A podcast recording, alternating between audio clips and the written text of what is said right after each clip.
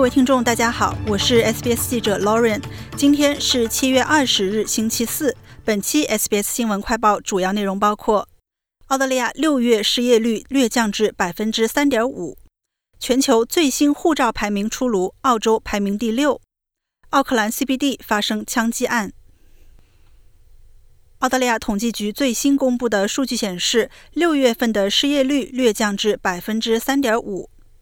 新数据显示，上个月全澳就业人数增加了约3.3万人，失业人数减少了1.1万人。此前，经济学家曾普遍预测失业率将稳定在3.6%，并创造约1.5万个新就业岗位。统计局劳工统计主管贾维斯说：“六月份就业人数的增加使就业与人口的比率保持在64.5%的历史高位。”这反映出劳动力市场的紧张状况。最近就业人数的增加与人口增长保持一致。劳动参与率从上个月的历史最高点下降了零点一个百分点至百分之六十六点八。就业部长托尼·伯克表示，女性尤其受益于政府在育儿和薪酬平等方面的举措。现在我们有了十三个月的数据，官方数字显示新增了四十九万八千三百个工作岗位，而在我们执政期间新增的近五十万个工作岗位当中，有百分之八十五是全职工作。除此之外，仅女性全职工作就占到了新增工作岗位总数的百分之五十四。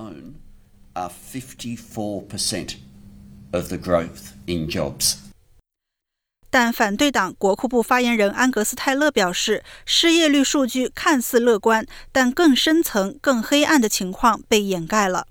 他指出，澳大利亚统计局的就业数据表明，澳大利亚经济正陷入停滞。Productivity is in a shop 生产力正在急剧倒退。事实上，我们知道去年生产率下降了百分之四点六，这几乎相当于上届联盟党政府所取得增长中的半数，在一年内损失殆尽。这意味着澳大利亚人工作的更多，但获得的回报却更少，而这正是我们从工资数据中看到的情况。通货膨胀的速度远远超过了工资的增长速度。这意味着澳大利亚人正在走回头路。另一方面，根据最新的亨利护照指数，澳大利亚护照的效力变得更加强大了，排名升至全球第六。而日本护照被挤下了榜首位置，被新加坡护照取而代之。目前，持新加坡护照可以免签访问全球两百二十七个旅游目的地中的一百九十二个。而澳大利亚护照持有者可免签前往一百八十六个目的地，或在抵达后获得落地签、访问许可或电子旅行授权。国际方面，新西兰城市奥克兰中央商务区发生枪击事件，包括枪手在内的三人死亡，六人受伤。警方称，枪击事件是一起孤立事件，不存在国家安全风险。